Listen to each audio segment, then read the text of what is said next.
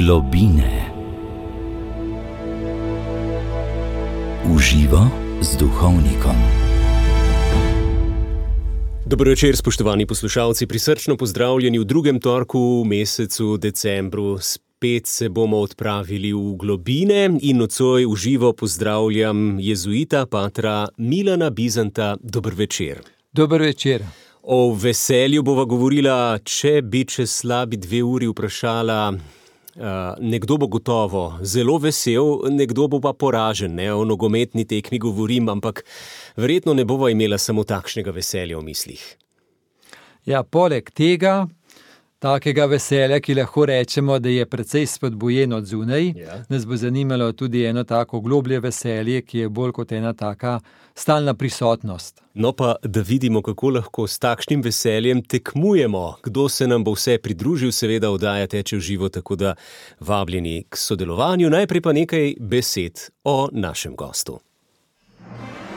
Milan Bizant je bil rojen leta 1961. Odraščal je v vaškem okolju v Žlebeh pri Medvodah, v delovsko-kmečki družini s štirimi otroki.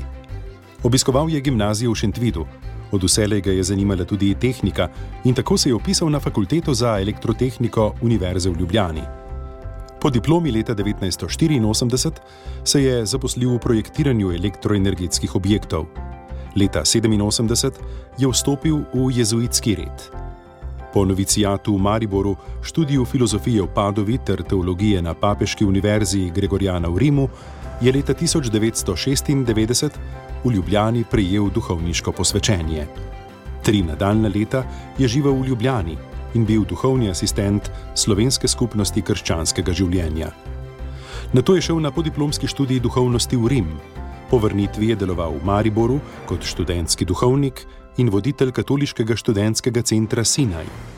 Od leta 2008 do 2014 je bil provincijal slovenskih jezuitov.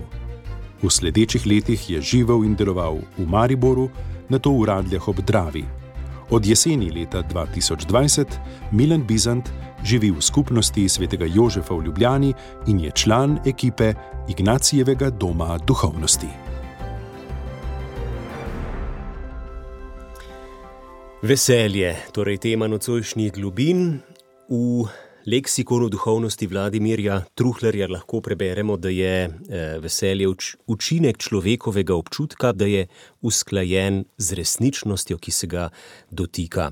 Eh, kako danes pravzaprav, Pater Milan, človek pojmuje veselje? Je to le neka filozofska tema o tem popolnem veselju, neka teoretično razglabljanje, ali je um, to veselje resnično lahko prisotno v človeku, uh, recimo, če govorimo o popolnem veselju, oziroma tistem drugem, ki smo ga prej imeli v mislih. Bi rad začel z svetim Ignacijem Lojolskim, ustanoviteljem jezuitov, ker je zanimivo, on v svoji autobiografiji je sicer napisana tako v tretji osebi, ampak piše pa uh, o svoji izkušnji in na eni določeni točki močno spregovori ravno o tem, kar se sedaj pogovarjava. Um, pa bom kar prebral. Hm, prav. Torej, on, Ignacij Lojolski, je živel v 16. stoletju, eh, je bil Bask, pomeni področje današnje Španije. No, in je tako bil dobro, dovolj dobro izobražen, tudi imel eno dobro perspektivo pred seboj, situje, si- tako situiranost v življenju.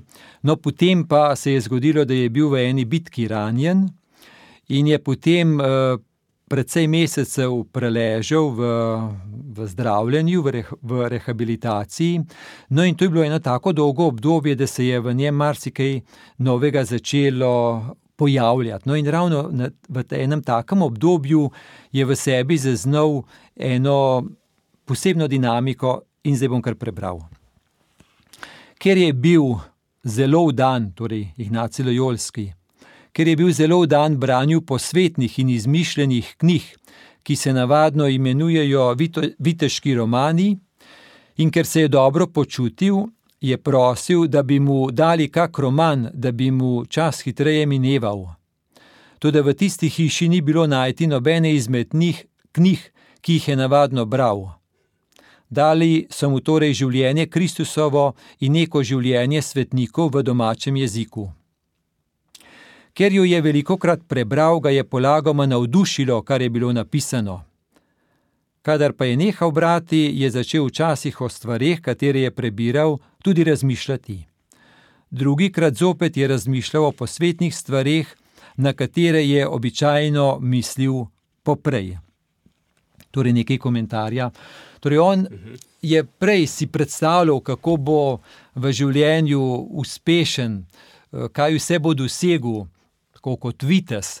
No, in so mu bili zelo blizu viteški romani, to ga je zelo napolnjevalo, mu je dalo veliko enega veselja in je to bilo do takrat v njegovem življenju največ, vse.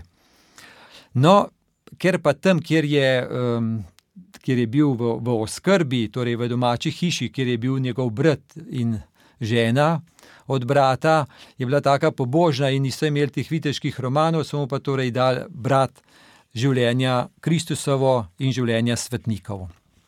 Zdaj pa naprej.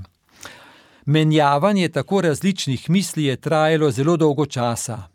Naj so bile misli, ki so se nudile njegovi domišljiji, misli na posvetna junaštva, ki jih je želel uresničiti, ali pa one druge božje, vedno se je zadrževal v misli, ki je ravno prišla, dokler ni zaradi utrujenosti prenehal in usmeril svojo pozornost k drugim stvarem. Bila pa je ta razlika. Kadar je premišljeval o posvetnih stvareh, je pri tem zelo užival. Ako je potem zaradi utrujenosti odnehal, se je počutil suhega in nezadovoljnega. Kadar pa je premišljeval o tem, kako bo šel bos v Jeruzalem, jedel samo zelišča in počel vse druge strogosti, o katerih je bral, da so jih delali svetniki, ga to ni tolažilo samo dokler se je mudil v takih mislih, ampak je bil tudi potem, ko je odnehal, zadovoljen in vesel.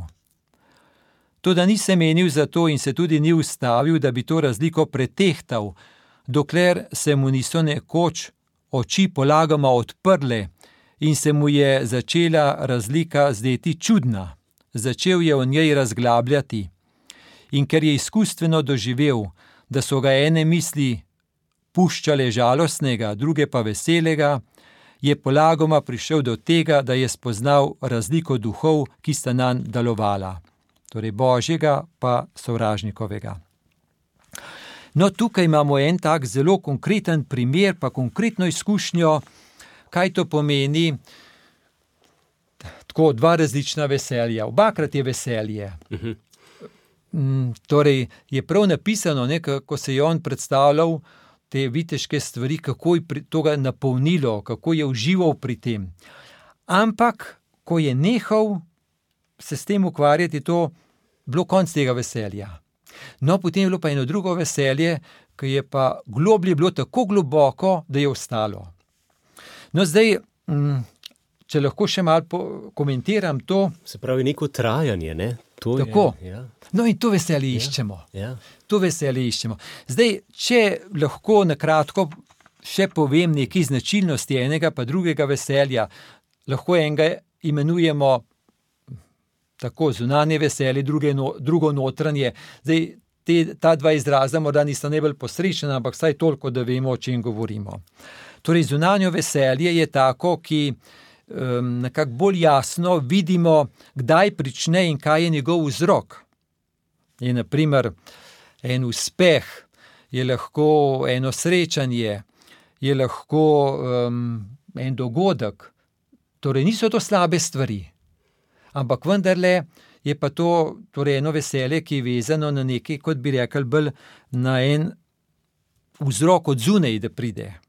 In je toliko časa, dokler ta vzrok je. En zunanji sprožilec. Tako, zunanji sprožilec, tako, prav tako.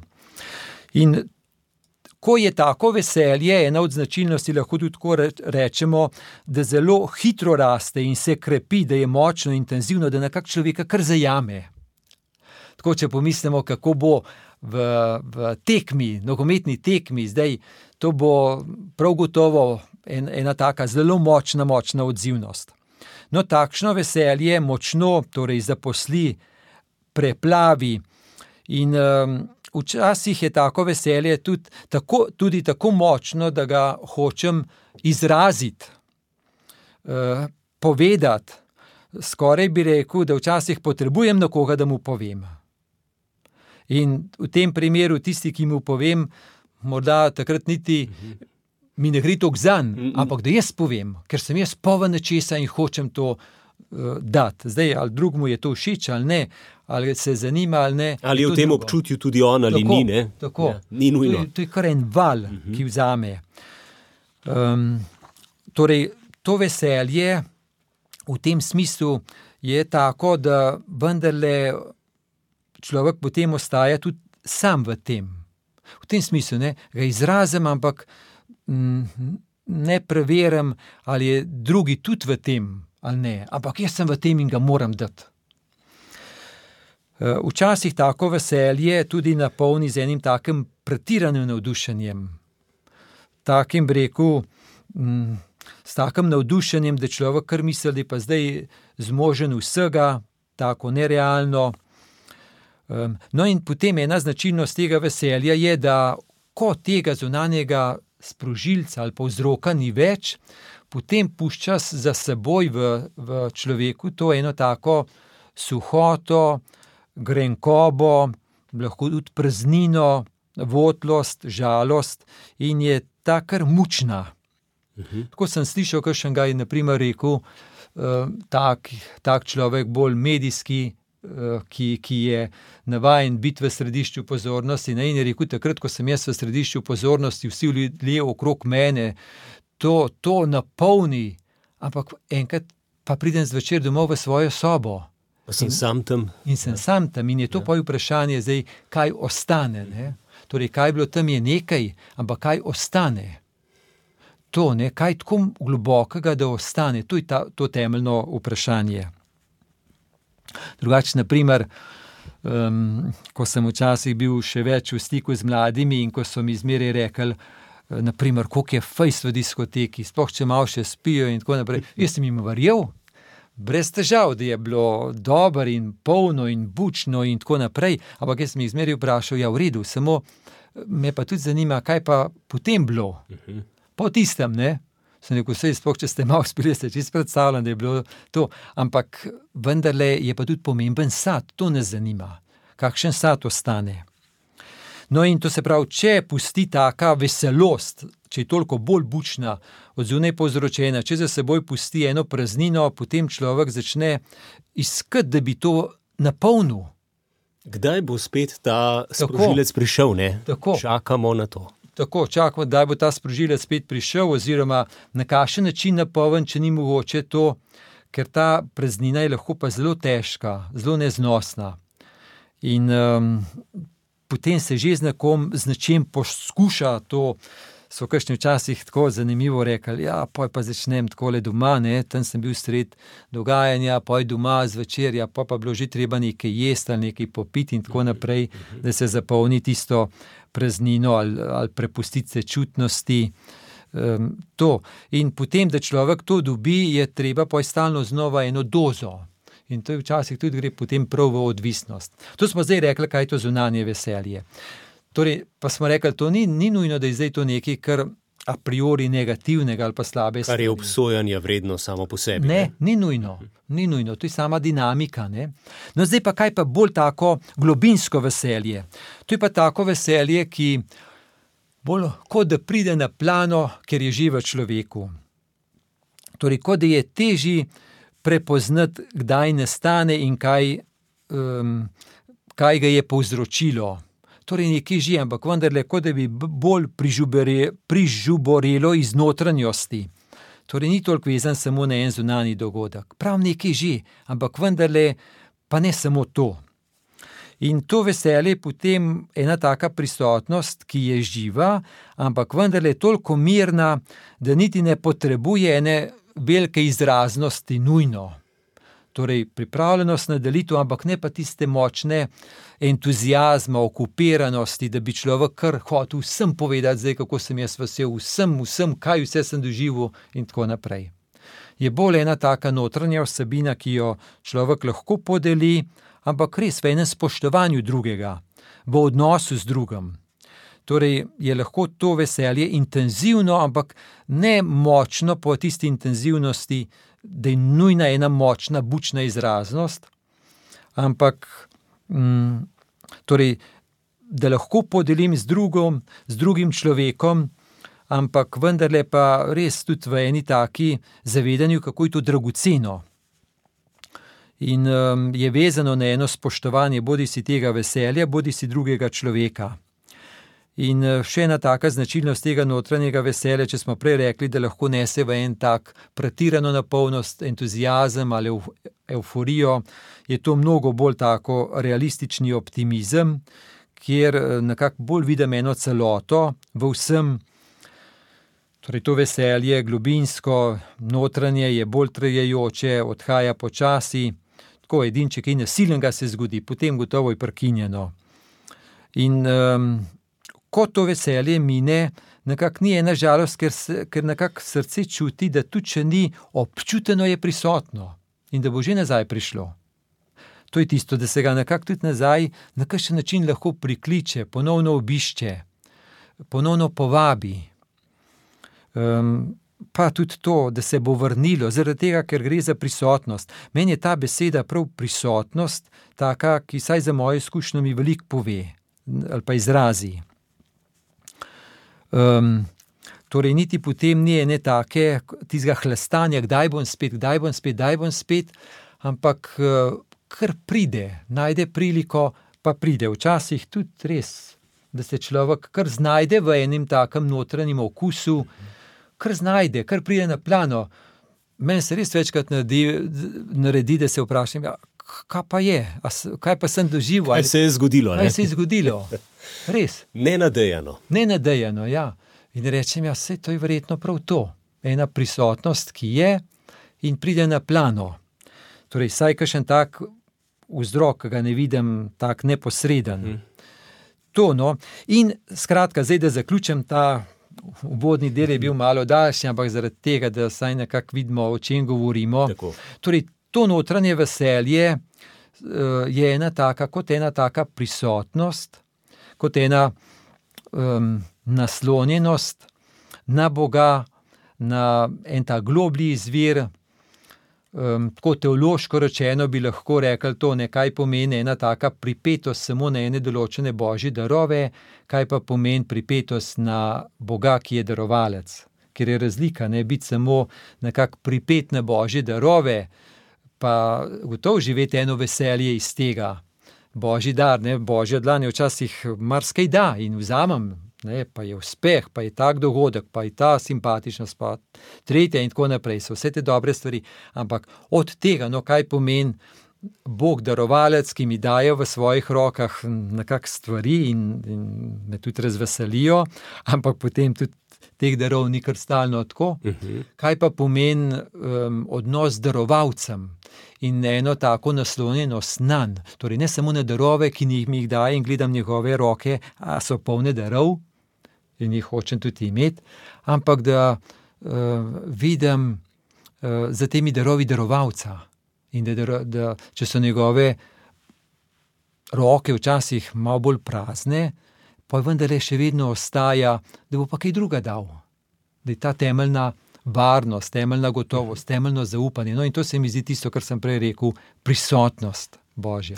Se pravi, lahko hodite to šampansko veselje in to globlje, drugo z drugim, tudi z roko v roki, eh, nič ni narobe, ne? če se prelivata, ampak eh, neka stalna prisotnost pri tem drugem, vsekakor je, za prvega tega ne bi mogli reči. Ne? Mhm.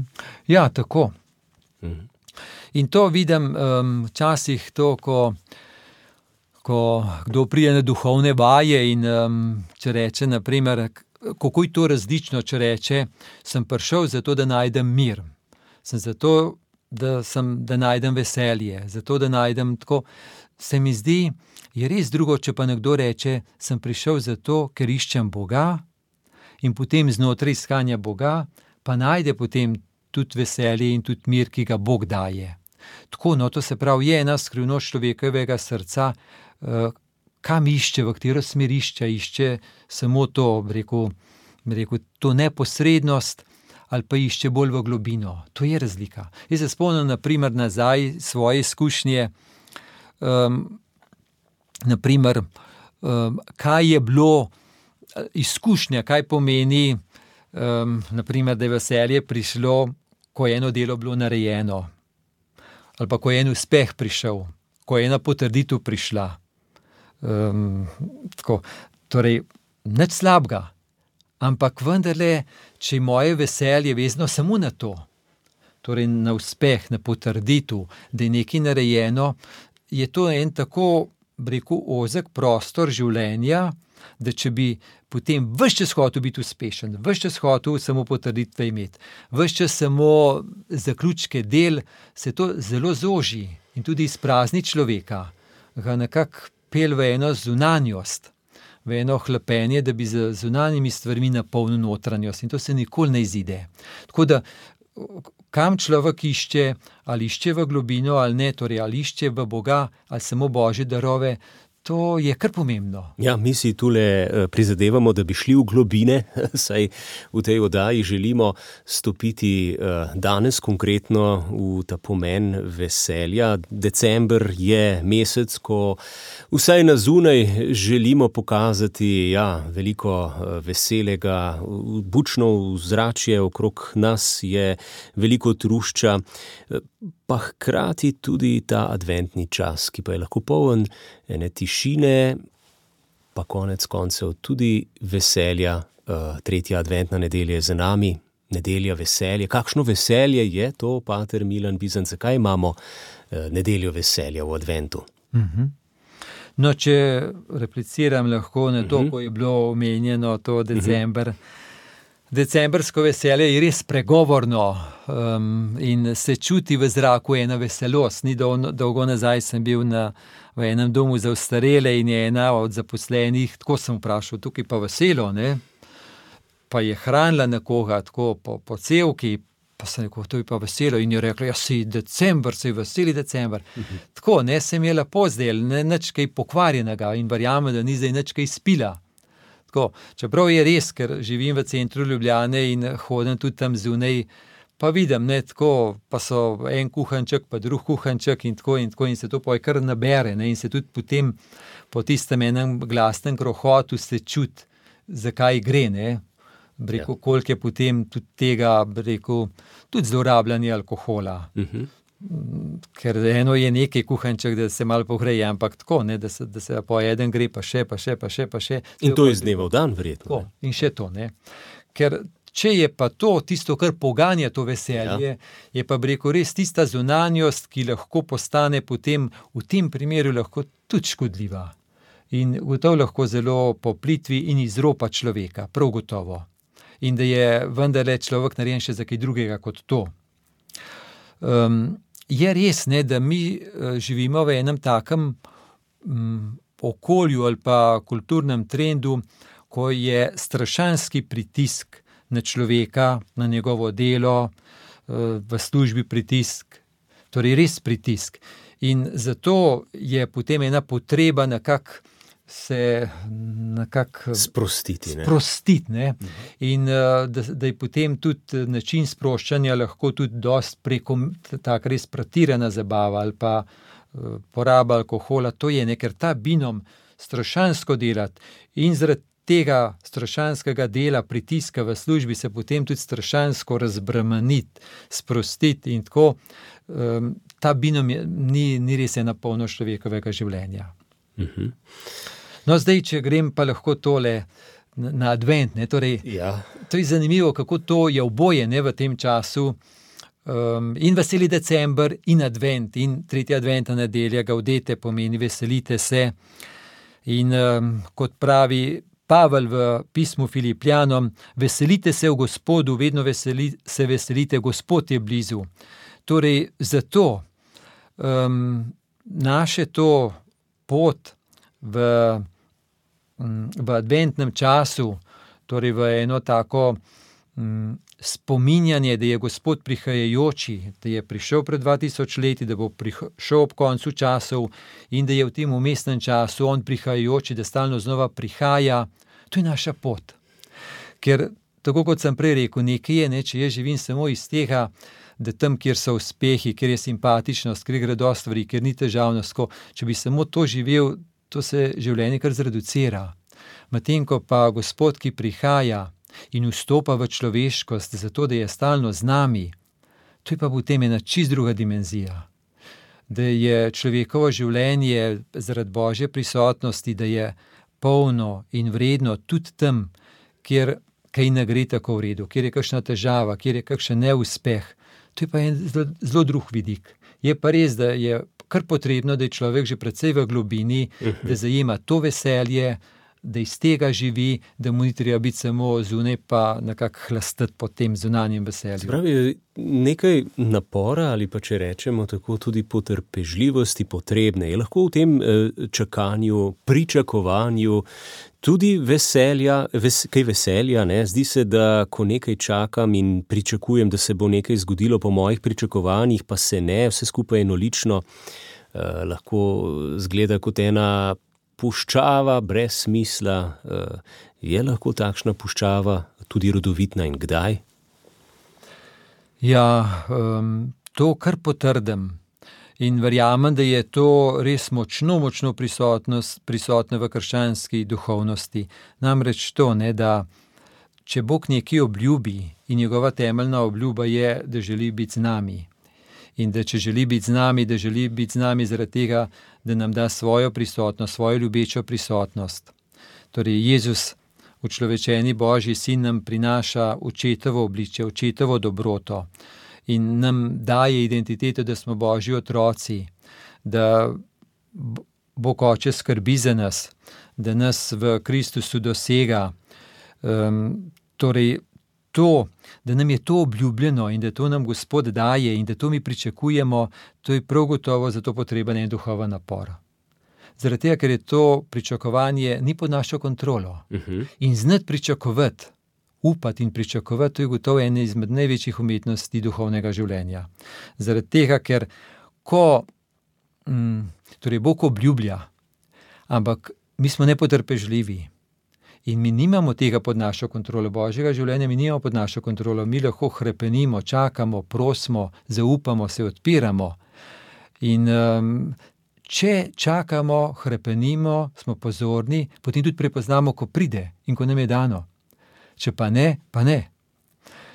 Ker se Bog ne usiljuje, božja ljubezen je gotovo zelo tiha in božji glas je zelo tih, so drugi glasovi mnogo bolj bučni in močni in okupirajo in agresivni. Torej, da mi čakamo, pričakujemo, krepenimo, to je res ena zelo živa drža. In um, je, je skušnjava, da ko občutimo, kot da Bog nam ne bi odgovoril, da reče: ah, kdo ga pa čakal? Toliko imamo ponudb, kdo pa čaka tega Boga. Če odgovori na moje pričakovanje, takrat, ko jaz potrebujem v redu, naj pride.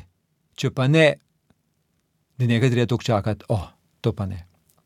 In verjamem, da kašen, brez da bi to zavestno soočil s tem, ampak tako nezavedno, pa res lahko pozab čakati, pozab pričakovati, ker sveto pismo je ena dolga, dolga taka zgodba negovanja, um, pričakovanja od rešenika v smislu, da se božja obljuba izvrši. Tako da to pričakovanje, če je res tako pričakovanje duhovno, je gotovo to en duhoven napor, ampak poven. To je tisti napor, ki je že v odnosu z Bogom. In tudi takrat, ko pričakujem, je veliko odnosa se gradi. In ravno ta odnos je potem tista dragocenost, ki, ko ni več samo pozornost na dar, ki ga od Boga prejmem, ampak da se v tem pričakovanju, zaupanju krepi odnos z Gospodom. In na ta način se prav, torej grem jaz v globino in se utrjuje odnos z Gospodom, in se potem utrjuje tista prisotnost, ki je najbolj dragocena. In se verjetno ob tem tudi sam spreminjam. Tako, tako. In se spreminjam ne zaradi tega, da bi si jaz dal za cilj, jaz bom tako in tako treniral in se bom tako pa to spremenil. Ker to so zelo površinske stvari. Tudi danes dosta atraktivne, privlačne, tudi pri mladih vidim. Si zadete ene take, ta cilj, ta cilj, ta cilj. Dobro, niso slabe stvari, mhm. ampak vprašanje je, koliko to gre v globino, koliko pri tem srečam gospoda, ki prihaja, koliko pa srečam sam sebe, pa svoje moči. Ker imam sam svoj cilj in si Tako. ga sam postavim, zasledujem in Tako. kljukam. Tako. Ja. In če uspem, si odkljukam in mislim, kaj sem, če ne uspem, pa, pa pride tudi ena frustracija, krivda stranki, pa tudi se ne ve, kaj s tistem narediti. In v vsakem primeru postajam sam. Sej lahko odkljukam in rečem, koliko super sem. Ampak če pa ni advent, tisti čas uh, enega pričakovanja in izkušanja, da je Gospod resničen in da On prihaja k meni, pa, pa tudi vprašanje, je to res ta globina adventa, zaradi česar advent je. Uhum. Ena taka prispodoba semena, se ga veliko krat srečamo, to prispodobo, ki čaka, da bo prišla voda, eh, da bo lahko sklilo, eh, je lahko to, ne? ni v naših rokah in to je duh, ki veje, kjer hoče, kader hoče. Nismo mi tisti, ki eh, zalivamo, ampak čakamo. To je evident. Tako. Mi nimamo pod kontrolo božjega življenja, edino lahko pa pričakujemo, krepenimo, smo pozorni, sej del adventnega časa je prav gotovo ta drža budnosti. In budnost, da je živa, da je pričakovanje, in ni tako enostavno. Vidim to, naprimer, kaj pomeni v začetku adventa, prav eno prošeno, gospod, po tem adventu bi pa res prav v enem gojil krepenje po tebi, po, po, pozornost na tvoje prihajanje, na tvoje trkanje. In to ohranjati ni kar tako, ne? ker človeka to zapolni, mm -hmm. drugo zapolni, ta skrb, to navdušenje, to delo, ta načrt in ono in to naprej. In to je tisto, no, da nas te stvari lahko tako zapolnijo, tako okupirajo, absorbirajo, da, da nekako se kar. Smo zaprti v ta klopčič in to izmeri potem tisti nivo, ki sem rekel, nekje od zunaj medtem ko pa pot v globino, v srce, ker je pa letko ne srce in prostor srečanja z Bogom, kjer smo mi najbližji Bogu in Bog nam. Poj srca se že razširi, ampak vendarle tam, da tam zajemamo, da smo tam zasidrani. Jezuit pater Milan Bizant je gost nocojšnjih globin, ki jih spremljate v živo. Kaj pa vi, spoštovani poslušalci, kakšna je vaša izkušnja srečevanja, recimo temu s tema dvema vzorcema veselja, tisto hitro, bučno in tako eh, zaželeno, marsikdaj, pa na drugi strani prisotno, pa hkrati žuboreče, kot se je izrazil gost Pater Milan Bizant. Nič ena. 512, 10, nič, nič, vaša izkušnja, vaše vprašanje, morda, uh, ker je oddajal živo, seveda z veseljem tudi prisluhnemo vam. Uh, torej, stopiti v to globino je včasih iz tega sploh bučnega ozračja, ki je okrog nas težko. Uh, kako lahko pri tem pomaga tišina, Pater Milan, uh, kdaj lahko pomaga, kako se sploh odpraviti v tišino in v njej zdržati? Ja, to je danes prav gotovo dobro vprašanje. Že kje imeti sploh tišino, kje si to lahko človek privošči? Eh, odkje moč, ker um, to je res, smo toliko, včasih res rečejo, smo priklopljeni na toliko enih omrežij in toliko enih sredstev. Ampak, če se pa odklapljamo od sebe, od svoje notranjosti in od Boga, potem pa vendarle marsikaj izgubljamo. Zato, ker ko smo priklopljeni na, na, na YouTube ali na Facebook ali na družbena omrežja, eh, pa ne igre, to res zapolni. In čas hitro mine, ampak zmeraj je vprašanje, kaj ostane. In če ostane samo še več, še več, še več, in da potem kakšna druga ustvarjalnost, zanimanje se niti ne razvije, to je osiromašanje tako vidim, ravno danes sem šel tam po ulici in sem videl take mlade, ne, to so bili stari eh, deset let, jih je tam stal, šest jih je bilo, fantov mladih, uh, tako drug ob drugem so stali, ampak vsak je svoj telefon, uh, en igre sem gledal, so ja. se šli. Ja. Tako, torej jih ne obsojam. Jaz, če bi bil na, ist, na njihovem mestu, danes bi verjetno isto bilo, ampak tako, da mi pa da misel, ne, uh, kaj to pomeni ta priklopljenost. Ja, odklopljenost pa od tega, kaj nekdo je v sebi, in da bi to delil, tega pa ni. Ne. Največ je, da delijo, ule, kaj imam jaz na telefonu, ule, kaj imam jaz na telefonu, ule, katero aplikacijo imam jaz, katero pa ti. Spet nekaj od zunaj. Ampak to je spet nekaj zunaj. Ne. Tako. Tako da, kaj pomeni ustaviti se, pa v tišino iti, pa um, odkrite notranji svet, ki je tako bogat. Tako, kaj se vse v človeku dogaja, pa ni nujno, da je tako ena velika zaznavnost duhovnih dinamik, ampak že tako na tem psihično-čustvenem nivoju, kaj nosim, kako je danes v meni, kako je bilo včeraj. Tako se ustaviti in si prisluhniti, že to je velik korak. Že to je zdaj velik, velik prvi korak. Včasih tako v duhovnem spremljanju mladim svetujem, tako da si vzamejo zvečer nekaj časa, pa si zapišijo, kaj, kaj na koncu dneva ostaja, ali pogledati na koncu dneva, dan nazaj, kaj je bilo, kaj se je dogodilo, kaj je bilo v moji notranjosti, katero občutje, razpoloženje, um, kje je bil kakšen pomemben trenutek, kje se me je kaj še posebej dotaknil, katera beseda, kater dogodek, kater pogled. En tak egzamen. Ja, tako je en egzamen. Zakaj je to dobro? No, to, za, prav zato, no, torej za eno priklapljanje, ne, ker čez dan smo lahko dosti na vse stvari ven priklopljeni, ne nujno samo na telefone, ampak na delo, na skrbi in to. Zdaj pa kako pa prisluhniti svoji notranjosti, v tem smislu notranjosti, zdaj v tem psihičnem smislu, misli, občutja, doživljanja, kaj ustane v meni in da to poskušam potem tudi zaznati in ubesediti, poimenovati. To je tako globok in bogat notranji svet, ki daje ogromno življenja. In potem tudi vedno manj čutim, da bi samo od zunaj bilo ne vem kaj. Oziroma, celo tako lahko rečem, da potem, ko začutim ta svoj notranji svet, notranje dinamike, bogate, potem skoraj bi rekel, škoda, da moja čustva na razpolago, ne vem, naprimer, kakšnim, vem, TV nadaljevankam, da se z mojimi čustvi igrajo. Ali nogometni tekmi zdaj le. Ja. No, to, to je toliko malo, da se. Da, da pa, Kakorkoli, ja, čustva so gotovo zdaj zelo močna ob takih trenutkih, Mhm. ampak v teh primerih, ko pa gremo v notranjost, se pa stvar malce ali pa korenito spremeni. Se pravi, uh, vstop v notranjost, zato potrebujemo tišino.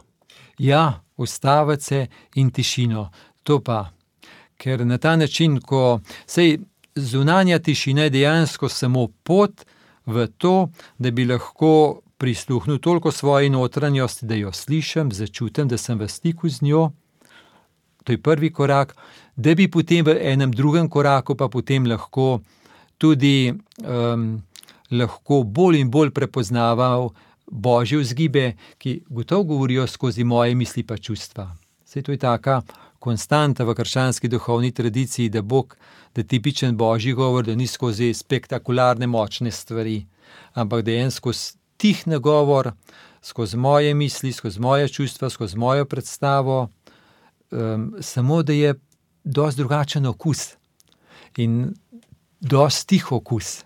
Tako da to je pa potem še nekaj drugega, no, kako torej prepoznavati to božjo prisotnost, božje vzgibe. In skratka, to je tako bogato, to je tako bogato, da potem, um, ko enkrat to človek bolj in bolj zaživi, koliko potem teh zunanjih stvari um, nekako ni več privlačnih, ni več tako, kot da bi. Enkrat je ena rekla na duhovnih vajah tako dobro. Um, sem malo ravno o tem pogovarjal, smo sem jim govoril, in pa je ena rekla: Ja, ja, to pa je zdaj čist zastopom. Kaj pomeni, da gledate eno, takrat so bile te španske, Nadaljevanke. limonadne. Mhm. Prav, kaj pomeni gledati tisto, ki te, te zapolni ne, in se poj pogovarjaš o tistem, kaj pa pomeni en film, ki ti pa res sede prav v globino srca in ga nosiš s seboj še dolg časa. To je to, ne, To kako so to različne stvari. Ja. Ja, veliko vodite te duhovne vaje v tišini, pa bi vprašal, ali je ta oblika duhovnih vaj za vsakogar. Namreč marsikdo reče takole, tole pa sploh ni za me, jaz ne zdržim niti par minut v tišini, da bi se zdaj odpravil za dan, dva ali celo več dni. Ne, eh, je eh, nemogoče marsikomu. Mhm. Um, Ja, verjamem, da ni to pot za vsakogar. In verjamem, da tudi to, kar sem sedaj govoril o tišini, pa to, torej na kakšen način, da to prisluhni sebi, da to za vsakogar velja, to bi rekel. Ne? Zdaj pa na kakšen način in kako, to je pa potem gotovo različno. Sej konec koncev to, kar sem govoril, zgleda zelo idealistično, kot da ne bi vedel, kaj pomenijo otroci kaj pomeni živahnost, kaj pomeni komaj vedeti zase zvečer, ko se da otroke spat in tako naprej. Torej, ne, vsekakor tudi obdobje življenja tu igra. tako, vlogo, ne. Mhm. tako ne, to, to na vsak način, no, res ne bi, da, ne bi rad, da bi bilo to tako eh, preveč slišano iz moje samostanske izkušnje, ker konec koncev tudi poznam, poznam no vendarle tudi. Um, Spremljam ljudi, ki so rekel, res v tem hitrem ritmu, družinskem ritmu in res tam, kot človek, komaj ve zase. Ne. Čeprav upam pa reči, da tisti, ki so prej gojili eno notranje življenje, pa tudi potem ostane in je zelo bogato. Vendarle, ne. tudi če ni stalno nekako možno za to, ampak se goji eno hrpanenje in brž, ko ima časa, se že veliko lahko prejme. No, zdaj, da se ja. vrnem, Ja. da se vrnem to na vprašanje tišine. Torej, verjamem, da to ni sploh duhovne vaje v tišini eno univerzalno sredstvo za vse. Verjamem, da ne. Je pa res, da marsikdaj, mm, ko kdo pride, sploh med mlajšimi, ki so rekli, nisem si znal ali pa znala predstavljati biti dva, tri dni v tišini, sploh mi je bilo nepredstavljivo, kako bi bilo to za zdržati. Še posebej tisti, ki rečejo, jaz moram kar naprej govoriti, pa pa kar biti v tišini. Tako. No, in da potem je pa to lažje, kot se zdi. Da to ni nekaj strašansko napornega, da ima biti en trenutek, pa pa zaplava noter. In sploh, naprimer, kaj pomeni eno bogatstvo stika z Božjo besedo, ko Božja beseda nagovori in po Božji besedi Gospod. In eh, nekako na ta način stopiti v odnos z Gospodom, in se vsa ta notranjost prebudi, odnos z Gospodom prebudi, in eh, tako vera kot oseben odnos z Bogom, v kaj je to bogato. Uh -huh. Tako da potegne noter, to ni samo en napor, ne potegne noter Tudi mlade. tudi mlade. Kjer pa res verjamem, da je pa um, treba biti pazljiv, pa to, da um, če so pa kakšni uh, v kakšnem, pa naj si bo mlad ali pa starejši, kakšni taki strahovi, ki lahko v taki tišini pridejo z vso močjo na plano, tisto pa je res treba biti pazljiv. Ne? To se pravi, ena vendarle. Mm, Ena bi rekel, ena psihična dispozicija je kar potrebna in pomembna. Tako da mm, se mi zdi dober način je poskušati pomalo. Mhm, Naprimer, mar zdaj kdo reče, da je bil na kakšnem duhovnem vikendu in da so imeli dve ure tišine in to reče, da je to bil že en nekaj velikega, zelo novega za življenje. No, in potem rečemo, no, evo, zdaj pa cel vikend, naprimer, ali pa še celo tri dni. Postopno. Tako, da je postopoma, da gre. Da je pa pravim, da je pa potrebno biti pozoren in naprimer tam, kjer so kakšne take um, strahovi notranji, ali pa to je pa treba le videti, a je to ta prav prostor. Saj za tisti trenutek življenja. Mhm. Sej, kako odgovoriti na tako situacijo, pomagati v tistem trenutku in nekaj, ne? in bodo pa duhovne vaje pozneje prišle. Mi imamo, naprimer, v naši tako ignacijanski tradiciji, jezuitski tudi, no, da je eden izmed prvih jezuitov, Peter Faber, on je bil izredno skrupulozen, res zelo skrupulozen. In uh, to je bil ta, tudi tak čas je bil. Um, no, in on je strašansko trpel od skrupuloznosti. In Ignacij Lojolski ga je več let pripravljal, da je potem šel v mesečne duhovne vaje, v mesečne tišine. Prav zaradi tega, ker dokler ni bil vendarle notranje toliko nekako utrjen, uh -huh. um, bi, bi škodo lahko tisto naredili. Se pravi, z mesečnimi duhovnimi vajami v tišini ni za začeti. Ne? Ne, to pa ne. Razen po dolgi, dolgi, dolgi pripravi. Ja, mesec dni tudi eh, prakticirate, recimo, izuiti, imate tudi tako dolge duhovne vaje v tišini. Ja, imamo, imamo v novicijatu, pa potem še pred uh, zadnjimi zaobljubami, to je dobrih deset let po vstopu. Tako da običajno imamo dvakrat, um, in to je res kar dolgo obdobje. Ja. Res dolgo obdobje. Imate sami kakšno izkušnjo, spoštovani poslušalci, s takšnimi duhovnimi vajami, s tišino, v katero se teže ali lažje odpravite? Imate morda kakšno vprašanje, ki se je porodilo ob teh minutah eh, v globinah nič ena, 512, 10, nič nič, torej oddaja v živo z duhovnikom, nocoj je z nami jezuit Pater Milan Bizant. Eh, adventni čas je, eh, rekli smo že, nekako je na preizkušnji naša potrpežljivost. Pavlov stavek ste omenili, veselite se v Gospodu zmeraj. Ponavljam vam, veselite se. Eh, začela smo z veseljem, Pater Milan, kako nekako ostati v tem veselju, tudi ko se zunaj nas morda vse podira, ko bledi upanje, ko se notranji svet upira tej drži, ker ni zunaj nobenega znaka, nobene sledi veselja. Ja, no, mi prihaja ta, ta podoba, kaj pomeni, da pogledamo gospodove roke in da so, kot da so prazne. No, in kako je takrat ta vera, da je Gospod vendarle blizu, da, da je z nami, da je z menoj, v vsem, kar je. To je eno tako, rekel, ena tako odprtost Bogu, ali pa eno tako čakanje, pričakovanje, zaupanje, ki gotovo ne gre hiter, ampak gre pa to v globino. Uh mhm. -huh. Ja, zdaj le imamo en klic, eh, Matej je dvignil telefon, še čakamo, da se povežemo. Nekdo nas je poklical, dober večer. Um, ja, kdo je z nami, dober večer? Dober večer, tu je pa Jožica iz Štajerske. Jaz eh, nisem več ravno mlada in sem pred tremi leti bila prvič na duhovnih vajah v tišini in to za pet, šest dni. To sem še ponovila potem dvakrat, tako da tudi letos sem bila. Eh, v začetku sem imela pomisleke, ker jaz sem, spadam v skupino, ki zelo rada govori. In sem imela pomisleke, da ne bom zdržala. In sem rekla tej redovnici, sem rekla, gledajte, za dva dni bi prišla, ne verjamem, da bom več zdržala. Pa pravi, pa poskusite. Ampak vam povem, da je, da je dva dni premalo. Aha. Uh, in uh, zelo sem bila začudena, uh, ker je v skupini so bili večinoma mlajši, mlajša populacija, okrog 30, mhm, tako da sem bila med starejšimi. Ampak, gospa Jožica, vam je bilo že po dveh dneh, ko ste prvič šli v take duhovne vaje, premalo? Ja, ja. Mhm. Zanimivo. Bi bilo dva dni premalo, ja.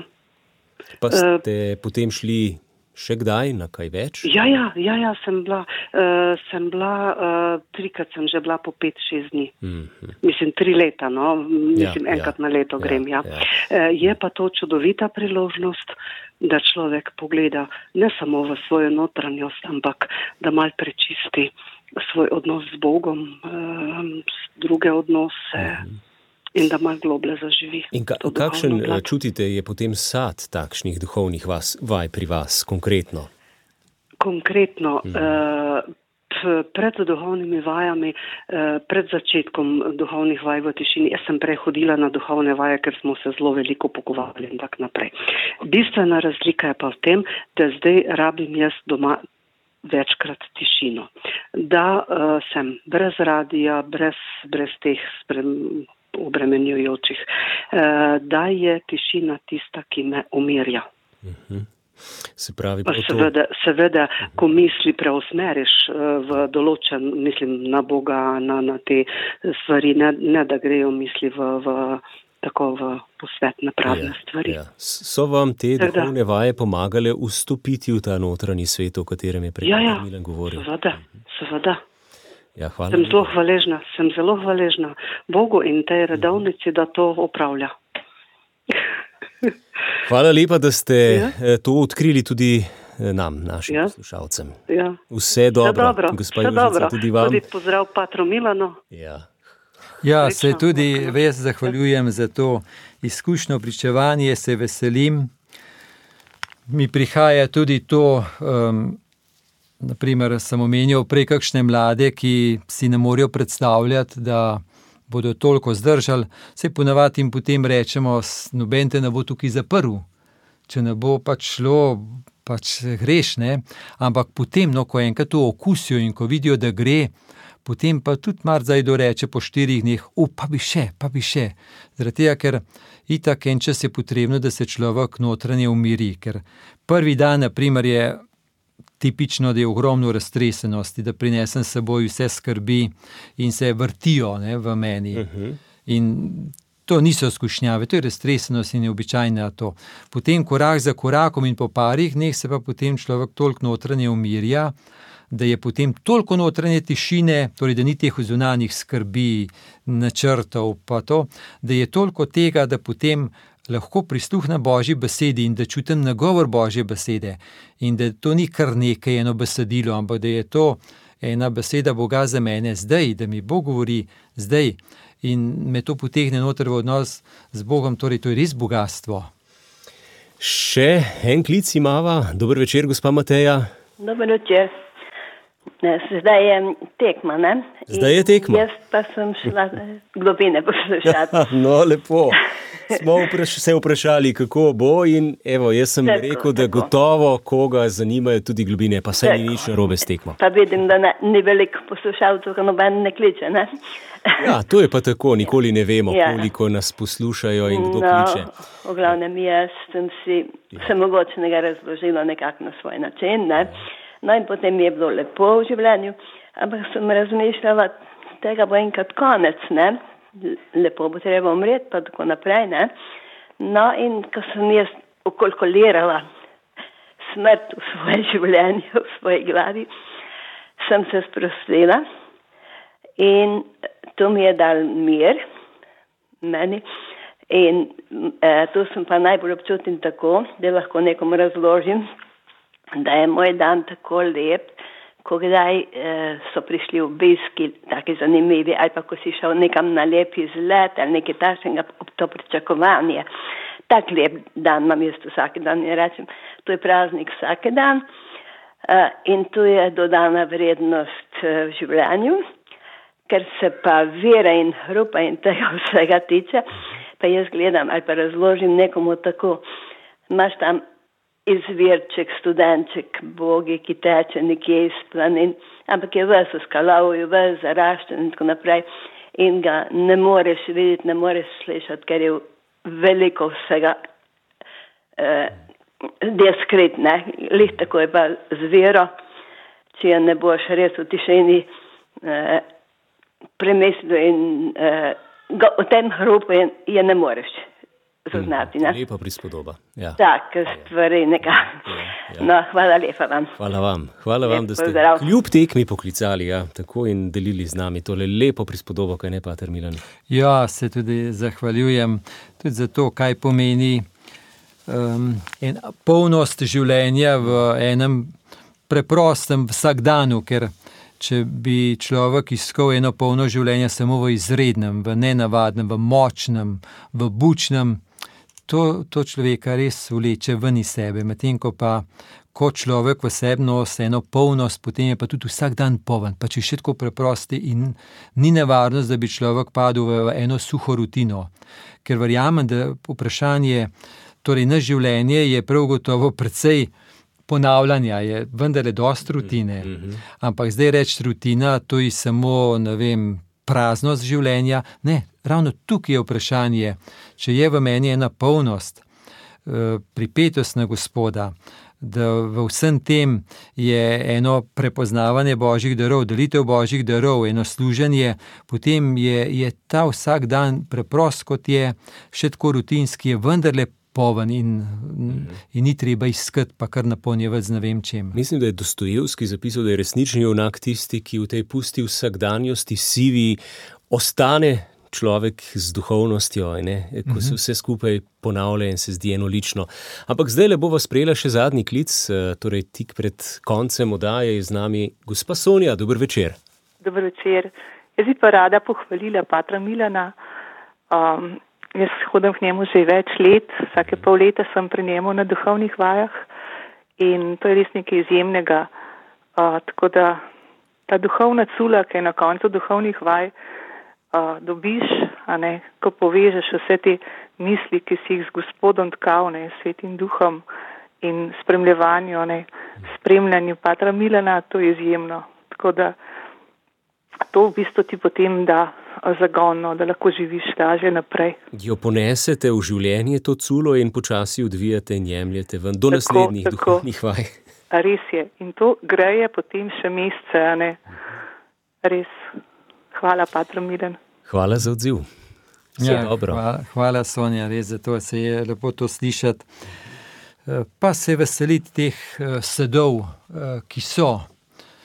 Ker um, ravno to, no, da ko je nekaj takega, da um, se božji glas je tisti, ki nagovori iz globine srca in v globino srca, in tisti, ki po, potem ostane. Mhm. Torej, gotovo, ne zdaj, da bi zdaj se potem vrnemo na duhovne vaje, ampak v tem smislu res nekaj ostane. No, in to je, to je tako dragoceno.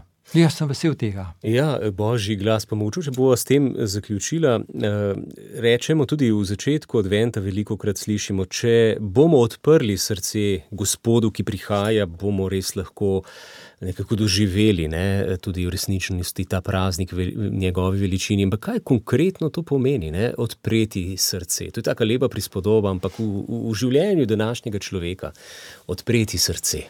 Mhm. Ja, to je res. tako, nekdo, ko to sliši, nekako uh, takoj ve, za, za koga drugega je to tako dost neznanka, jer res upariramo s tem terminom. Zdaj, kaj bi rekel, kaj pomeni odpreti srce? Jaz bi rekel v tem smislu, vsak ima eno notranjost, ne? eno notranjost eno notranje jedro, torej to, kar imenujemo biblično srce, to se pravi ne samo sedež čustva, ampak kar, kar je jedro človeka. Se pravi, da je to jedro človeka eno prav moja notranjost na nekakšen način, da je hrepeneča, zaupajoča, hrepeneča, da, da, da je gospod, ki želi še kaj dati, ki želi še priti. Torej, če, če nekdo totalno ne bi imel nobene izkušnje, nobenega božjega dotika, ampak dejansko mislim, da ima. Sam ne veš, zavedamo se. Jaz večkrat vprašam, tudi kašne mlade vprašam, ki imajo razne razumske vprašanja o Bogu. Rečem, a bi aj se kaj zgodilo v tvojem življenju takega, da bi rekel, no, to je pa en božji dotik. Ali pa a si spoznal kakšnega človeka, da bi pa verjel, no, ta pa ima nekaj z Bogom. Torej, da ima že en tako izkušnjo, en okus in to se pravi, da je ena taka, rekel, pozornost naše notranjosti v eno hrpanenje odprta, v eno pričakovanje odprta. Gotovo je pa to velik šole, velik hoje, veliko rako za narediti. Tako pa potem tudi od osebe do osebe. No, je, Način, je s katerim potem odpira to svoje ja, srce. Ja. Ja. Je pa gotovo, da je človek je svobodno biti v tem smislu, da ni, Bog ne bo nikoli prihromil, pa bo rekel: tukaj se moraš me. Mhm. Ampak ta stavek, tisto izrazodetje, ki pravi: Glej, stojim pred vrati in trkam, če kdo sliši moj glas in odpre vrata, bom stopil k njemu in večerjal z njim, on pa z menoj. In to trkanje, ne, in da imamo mi od znotraj kljuko, da odpremo, to je ena zelo globoka resnica. In z njo bomo zaključili tole oddajo. Uh, verjamem, da tudi tisti, ki bo to trkanje slišal in odprl vrata, bo prišel do tega polnega ali pa celo popolnega veselja, o katerem smo govorili. Iskrena hvala za besede, izkušnje vaše duhovne poti, pater Milan Bizant in za sodelovanje v nocojšnjih globinah. Eh, verjamem, da bodo tudi tistim, ki so zdaj le bili pri tekmi, v ponovitvi dale marsikaj. Hvala lepa, vse dobro in eh, blagoslovljen advent in božič. Hvala za te želje, hvala za povabilo in eh, lepo zdrav vsem poslušalkam in poslušalcem. Z vami sva bila tudi Matej Kržišnik in Blaž Lesnik, lep večer še naprej. Globine z duhovnikom uživo. Vsak drugi torek v mesecu na Radio Ognišče. Pišite nam na globine afnaognisce.si. Do naslednjega srečanja ostajamo na spletu radio.ognisce.si Globine.